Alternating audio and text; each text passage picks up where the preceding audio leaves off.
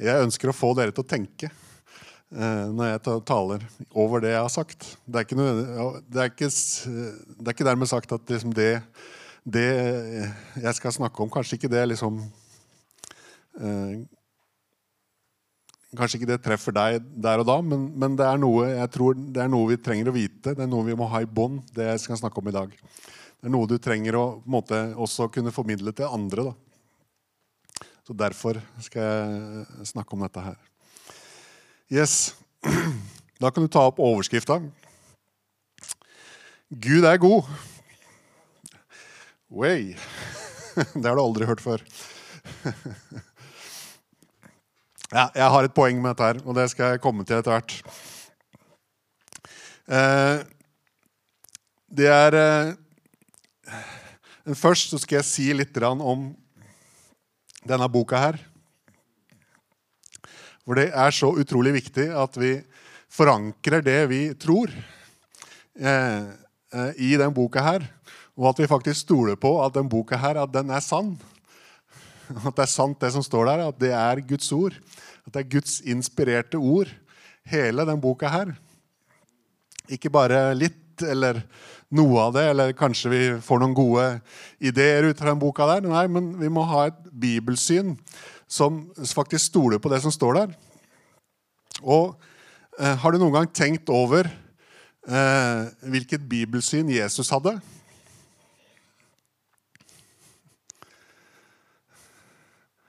Jeg vet ikke om det er nytt for deg å tenke på det, men, men Jesus han hadde jo en bibel, han òg. Det var ikke den helt nøyaktig Eller han hadde ikke så mye som det vi har, men han hadde eh, det vi kaller for Gamletestamentet. På eh, Jeg husker ikke om det er eh, hebraisk, men de kaller det for hele, hele Gamletestamentet kaller de for Tanach, eller noe sånt. Eh, de, har, eh, de deler den opp. De har noe som heter Loven. Det er de første bøkene, fem Mos-bøkene. Og så er det profetene osv. Men, men de hadde den samme der som vi har. Og det var det de snakka om når de snakka om skriftene og de om ordet. Så var det Gamletestamentet. Og Jesus, hvis du tar opp det første bibelverset, så står det her i Johannes 5, 46-47. Hvis dere trodde Moses, ville dere ha trodd meg. Han skrev jo om meg. Men tror dere ikke hans skrifter, hvordan kan dere da tro mine ord?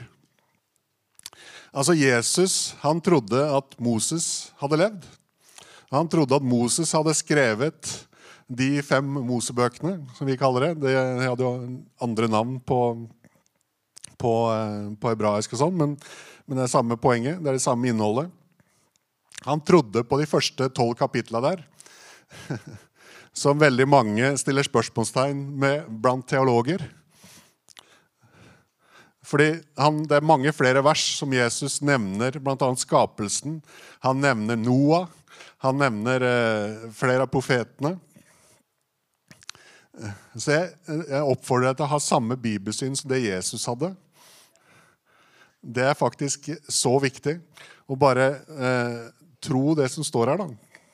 For hvis ikke du tror på Jesus, eh, så, eller hvis ikke du tror på det Jesus trodde, så, så er det ikke noe poeng å tro på Jesus heller. Å tro det han gjorde, og tro det han sa generelt. Du kan ikke bare ta, ta en liten del av Bibelen og tro på det. Så ta det med deg. Og tro eh, og prøv å se. Bare les gjennom, eh, les gjennom evangeliene, så ser du hva Jesus flere ganger at han nevner ting som på en måte mange i dag setter spørsmålstegn med. Men hvem er vi? Er vi, mer, er vi smartere? Er vi mer intelligente enn Jesus? Vår Gud, han som skapte himmel og jord.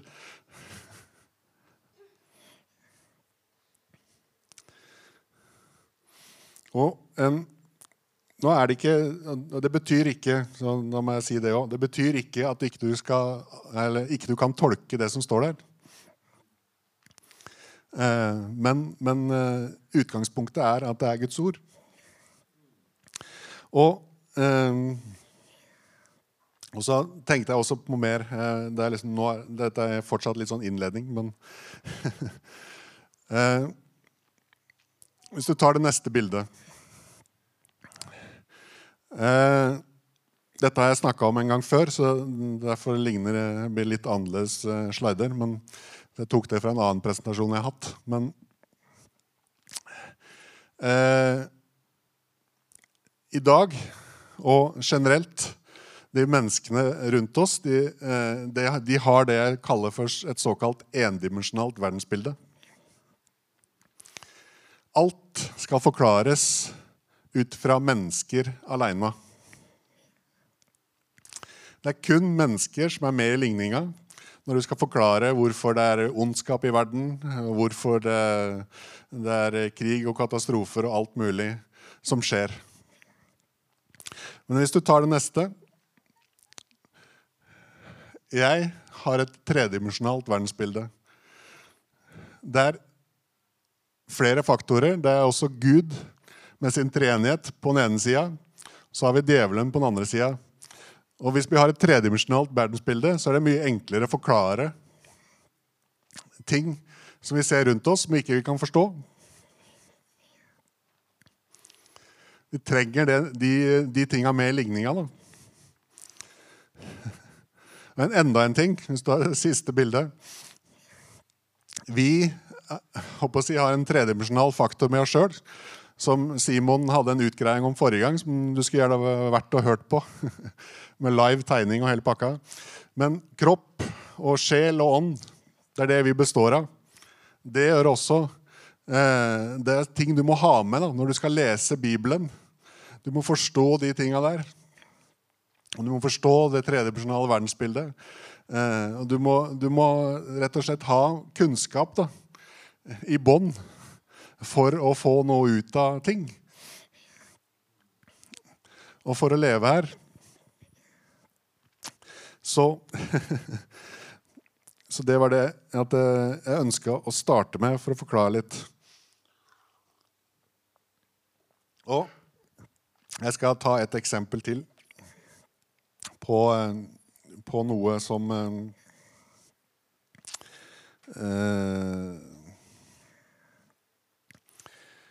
Som ordet sier om da dette tredimensjonale verdensbildet. Vi tar opp eh, eh i Matteus 13, vers 24-30. Dette er et eh, lignelse som Jesus forteller i eh, Eh, i sitt eh, virke. Og, og, så etterpå så forklarer han den, men vi skal lese først bare selve lignelsen. Der står det Han la også fram en annen lignelse for dem og sa himmelens rike er likt en mann som sådde godt såkorn i åkeren sin. Mens alle sov, kom fienden hans og sådde ugress blant hveten og gikk så bort. Da kornet hadde vokst opp og ga avling, kom også ugresset til syne. Eierens tjenere kom og sa til ham, Herre, var det ikke godt såkorn du sådde i åkeren. Hvor kommer da ugresset fra? Han svarte dem, en fiende har gjort dette. Tjenerne sa til ham, vil du da at vi skal gå og samle det sammen? Han svarte, nei, dere kunne også komme til å dra opp hvete når dere samler ugresset. La begge vokse sammen inntil høsten. Når tiden for å høste kommer, vil jeg si til høstarbeiderne, Sank først sammen ugresset, og bind det i bunter og brenn det. Men hveten skal dere samle inn i låven min. Jeg vet ikke om du har tenkt over den lignelsen før. Eh, svaret kommer i vers 37-43. Vi skal ikke lese det, men der står det at, eh, altså, at eh, det er Jesus som sår såkornet. sier Han Han sier det er menneskesønnen som gjør det. Og åkeren er verden. Og Det gode såkornet det er rikets barn, altså eh, troende. Og ugresset er den ondes barn. Og fienden som sådde det, er djevelen. Og så høsten er tidens ende, og så videre. Høstarbeideren, englene. Jeg mener at dette her er jo egentlig svaret på det ondes problem. Hvis du har hørt det om det, altså Hvorfor er det så mye ondt i verden? Det er ofte noe ikke-kristne spør oss kristne om. Hvorfor er det så mye vondt i verden hvis Gud er god? Og, eh, og, hvorfor kan ikke Gud bare fjerne det? Nei, Svaret er her. Han kan ikke fjerne det før tidens ende. Han kan ikke fjerne det før eh, hvis, han, hvis, han, skal fjerne det, så må han fjerne alt. Når man fjerner hele åkeren, holdt jeg på å si. Det går ikke an å fjerne ugresset samtidig, bare ugresset når de holder på å vokse. Det er det han sier her. Han må vente til slutten. Da skal han fjerne det og sortere det ut.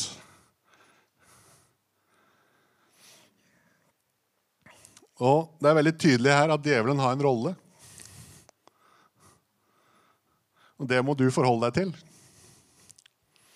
Hvis du skal forstå eh, Bibelen og forstå hvordan livet ditt er. Ta neste bibelvers. Johannes 10,10. 10. Tyven kommer ikke for noe annet enn å stjele, drepe og ødelegge. Jeg er kommet for at de skal ha liv, og det i overflod. Veldig tydelig rollefordeling. Djevelen er ond, Gud er god. Og grunnen, hvorfor, hvorfor tar jeg dette her opp? Jo, fordi Gud han får ofte skylda for alt. Han får skylda for ulykker, han får skylda for kriser, for naturkatastrofer. Eh, for eh, de problemene vi har. Eh, han får skylda for hva skal jeg si, vondt i kneet. Han skal lære oss noe, er det noen som ofte sier. Man tenker at ja, ja, men Gud På grunn av at jeg er uh, å si, av at jeg er fattig, så, så, så søker jeg Gud mer, liksom. Nei. Fattigdom og det onde, det kommer fra djevelen. Og eh, jeg har hørt eh, mange eksempler på at mennesker opplever at Gud kommer ekstra nær når de er i kriser. Men det betyr ikke at det er Gud som har sendt dem. Hvem er det som kommer først til åstedet når det er en brann eller det er en ulykke? Jo, det er hjelpemannskapet. Det er brannmennene. Det er eh, ambulansen. Det betyr ikke at det er de som har, som har tent på huset, eller det er, det er de som har eh, eh, si skapt ulykka. Nei, det er de som, kommer, som, hjelper, som kommer først. Gud kommer selvfølgelig til deg når du har et problem, når du har en krise. Da kommer han selvfølgelig for å trøste og være med og hjelpe deg. Eh, og eh, han, vil, han, vil, ingenting annet enn å, å hjelpe deg i den uh, greia. men men eh, det, er ikke derfor, eller det betyr ikke at det er han som har skapt den der uh, ulykka. Men det er utrolig mange som tror dette her. Og hvis ikke du har det synet sjøl, så vil du helt sikkert støte på noen som har det synet. At det er Gud som står bak alt. Det fins noe på engelsk eh, som de kaller, altså, sier at the, the sovereignty of God Altså Guds suverenitet. Eller vi ville kanskje sagt at Gud er allmektig. Ja, Gud er allmektig. Det er han. Men det betyr ikke at han styrer alt her i verden. Han styrer ikke hver minste ting. Vi har fått fri vilje. Det er så viktig at du har med det i din lignelse når du skal forstå eh, forstå Gud og forstå eh, livet ditt.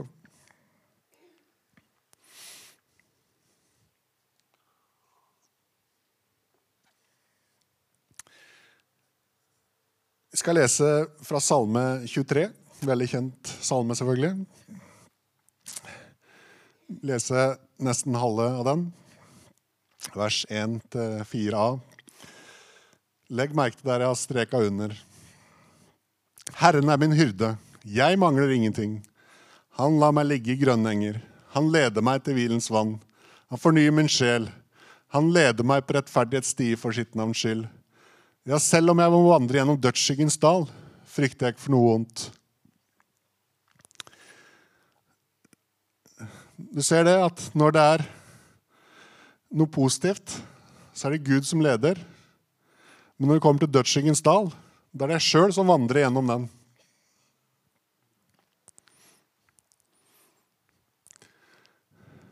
Gud vil alltid lede deg til noe godt. Men han vil være med oss gjennom dødsskyggens dal.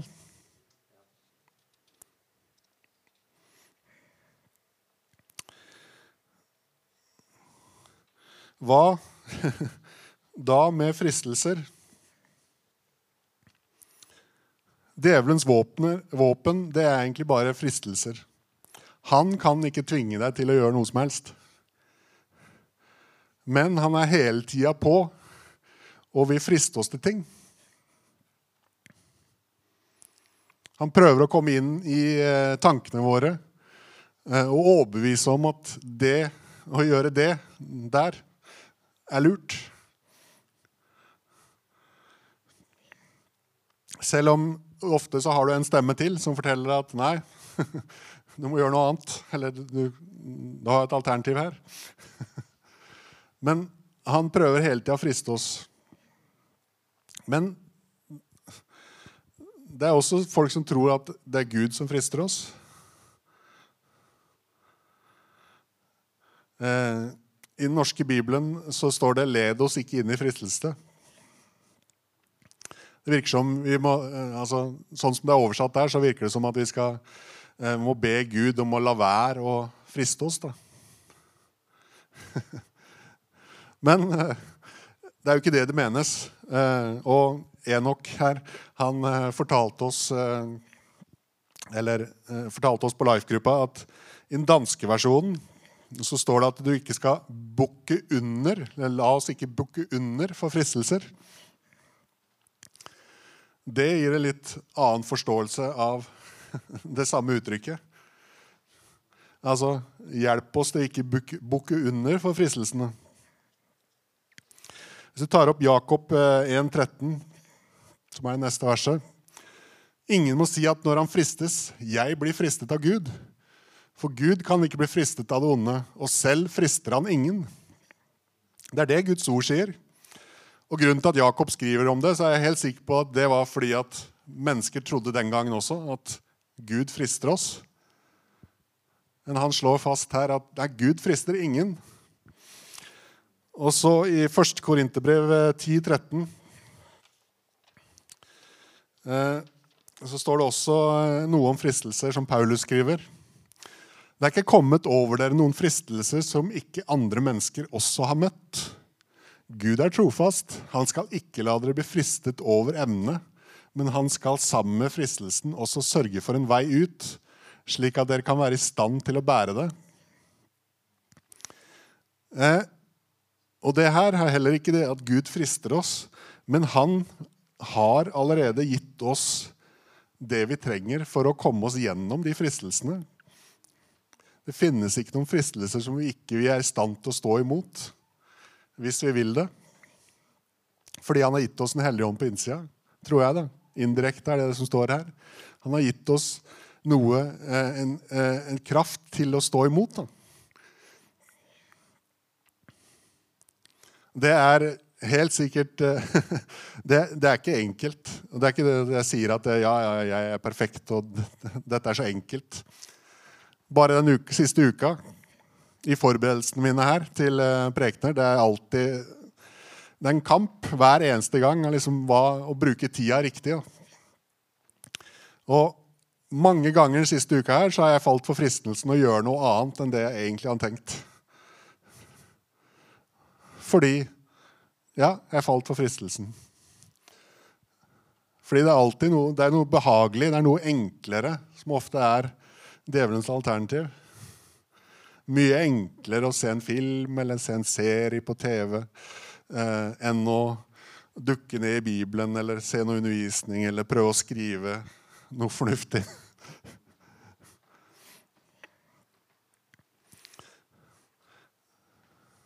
Så det er ikke så lett.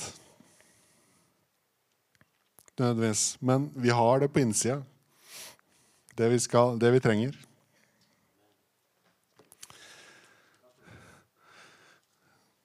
Ok, hva med Gammeltestamentet? Er Gud god der òg?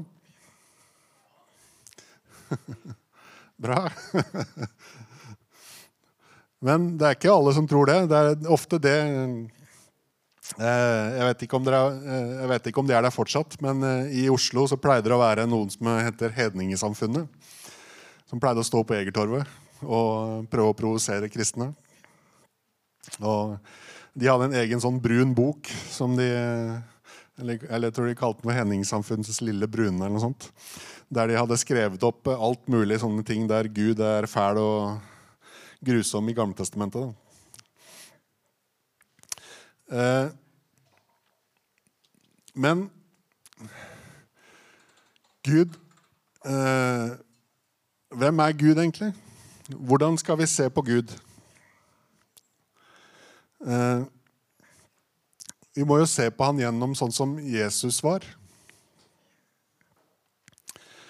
Og i Hebreerne 13,8, det er mange kjente vers her, så står det at eh, Jesus Kristus er i går og i dag den samme, ja, til evig tid. Før Jesus kom på jorda, så var han jo i himmelen. Og i Johannes 14, 8-9 står det at eh, så snakker Jesus med Philip, og så Philip sier til ham, 'Herre, vis oss Far', og det er nok for oss. Jesus sier til ham, så lenge, det, 'Så lenge har jeg vært hos dere, og likevel kjenner du meg ikke', Philip.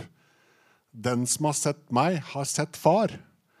Hvordan kan du si 'vis oss Far'? Altså Jesus er klinkende klar sjøl at han er lik Gud. Lik Far i himmelen.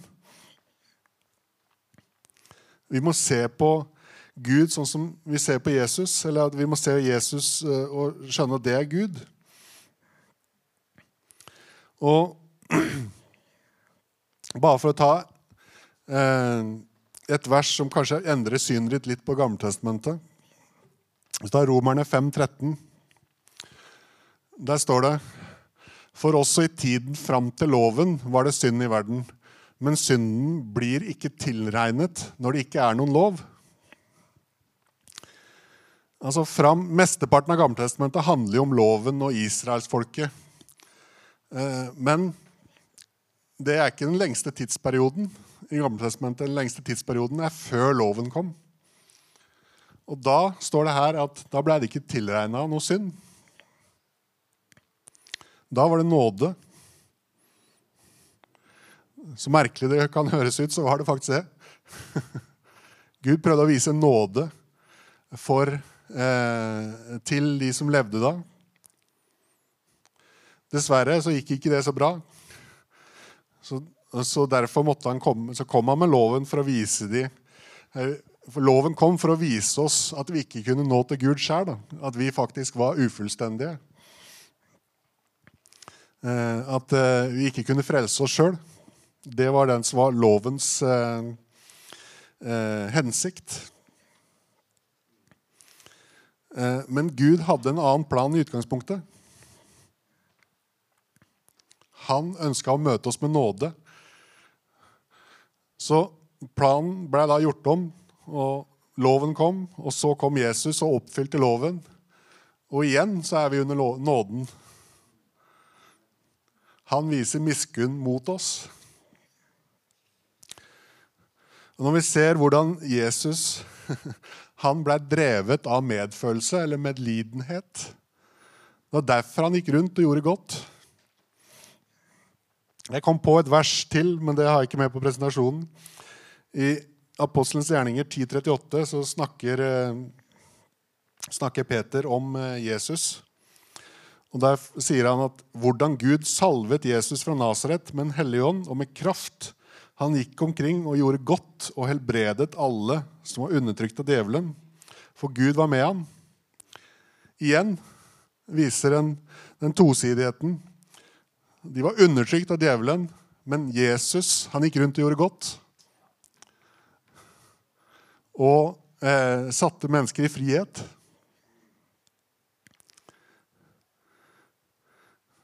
Hvorfor det? Gud er kjærlighet. Har du hørt mange ganger. Jeg tok med et vers om det òg. Neste. Den som ikke elsker, kjenner ikke Gud, for Gud er kjærlighet. 1. Johannes 4,8. Det er et utrolig forslitt uttrykk, men det er sant. At Gud er kjærlighet. Det er heller kjærligheten vi kanskje må utvide vårt perspektiv på. Hva er egentlig kjærlighet?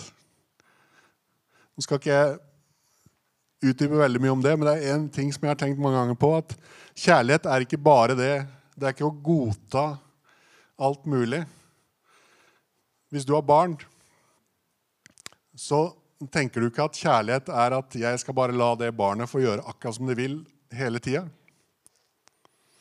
Hvis det barnet ditt ble angrepet av noen, hvis noen begynte å slå barnet ditt, da ville du ha grepet inn og gått til motangrep. Et eller annet. Du, du, kjærlighet er å hate det onde også. Det er faktisk å, å eh, beskytte seg fra det som er vondt. Og, og eh, ikke bare det å godta ting. Men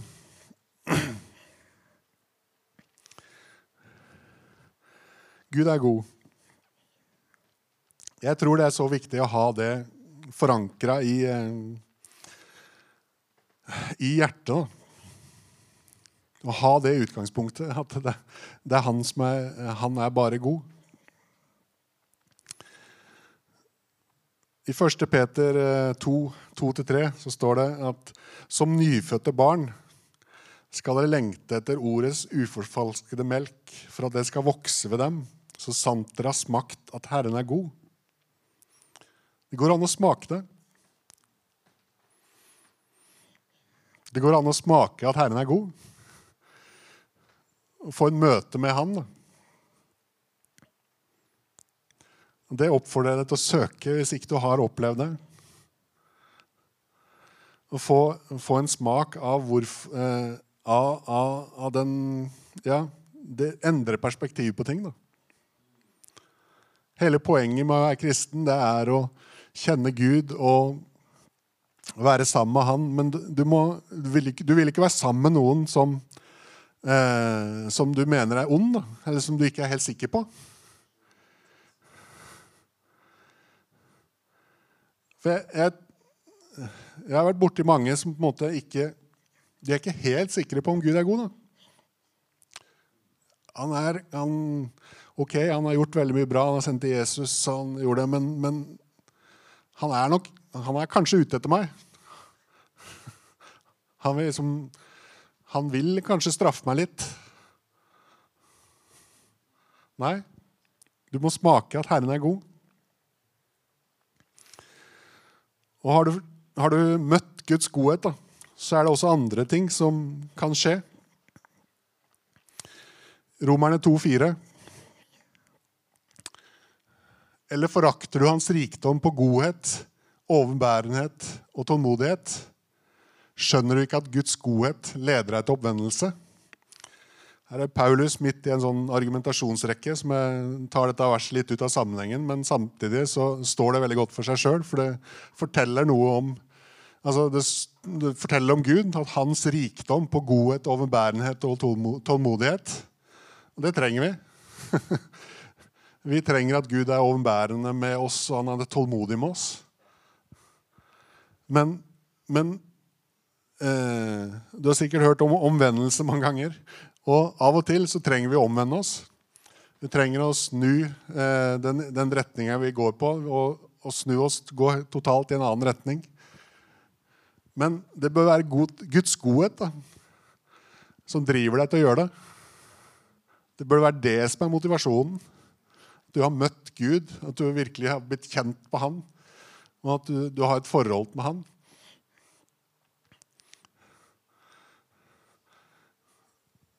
Det er veldig mange av dere som har helt sikkert et uh, Altså Som har vært i forhold, eller er i det. Og det er noe med det at når du uh, har en kjæreste, så, så, er det noe som det, det, kan motivere deg mer enn noe annet. da den personen og den kjærligheten den personen viser deg. Da. Og Det er sånn det bør være med Gud òg.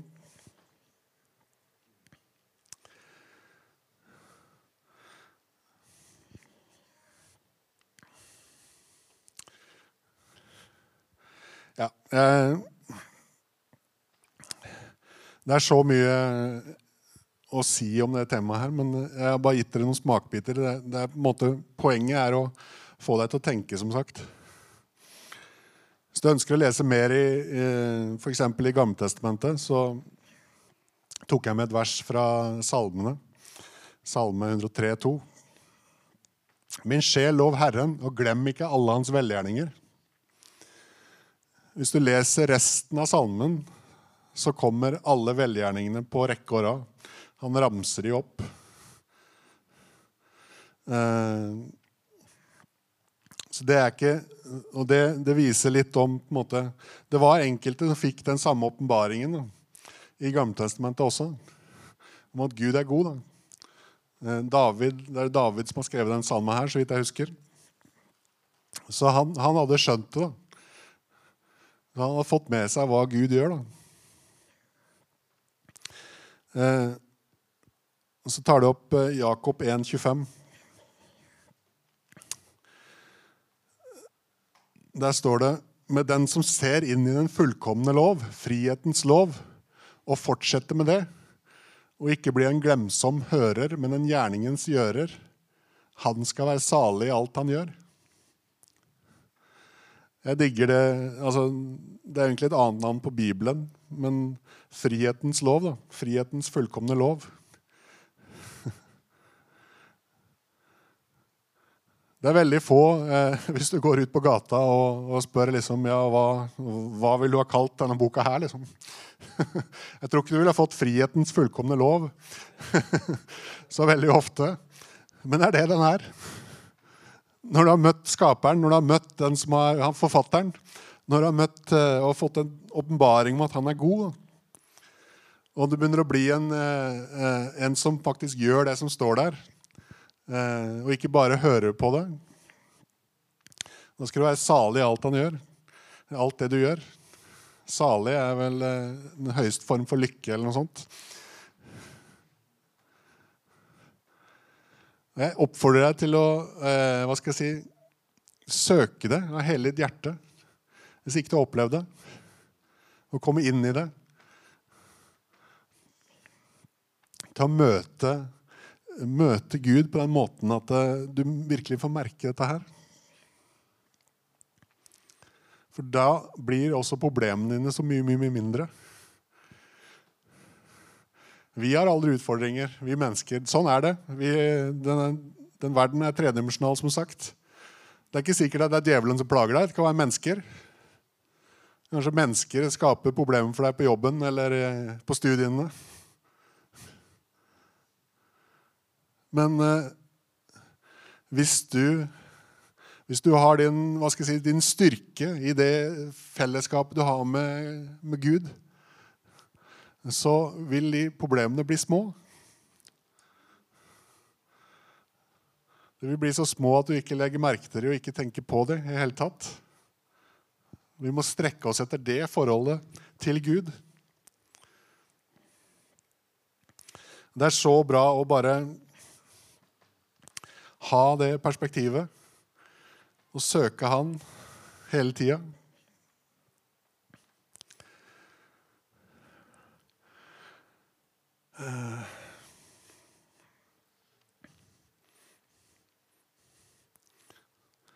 Og som sagt Vi forstår nødvendigvis ikke alt. Vi forstår kanskje ikke alt som står i boka her heller. Men det er noen ting som vi må måtte bare ha, ha på rett plass først. Og en av de er at Gud er god. Det fins masse andre ting som vi kunne sagt noe om. Guds lover, han har, eh, hvordan han har skapt verden. Det, alt det er med å hjelpe oss til å forstå hvordan ting henger sammen. Men, men Gud, han er god. Ta det med, med deg. Fortell det til andre, eller til de som ikke har fått den åpenbaringa.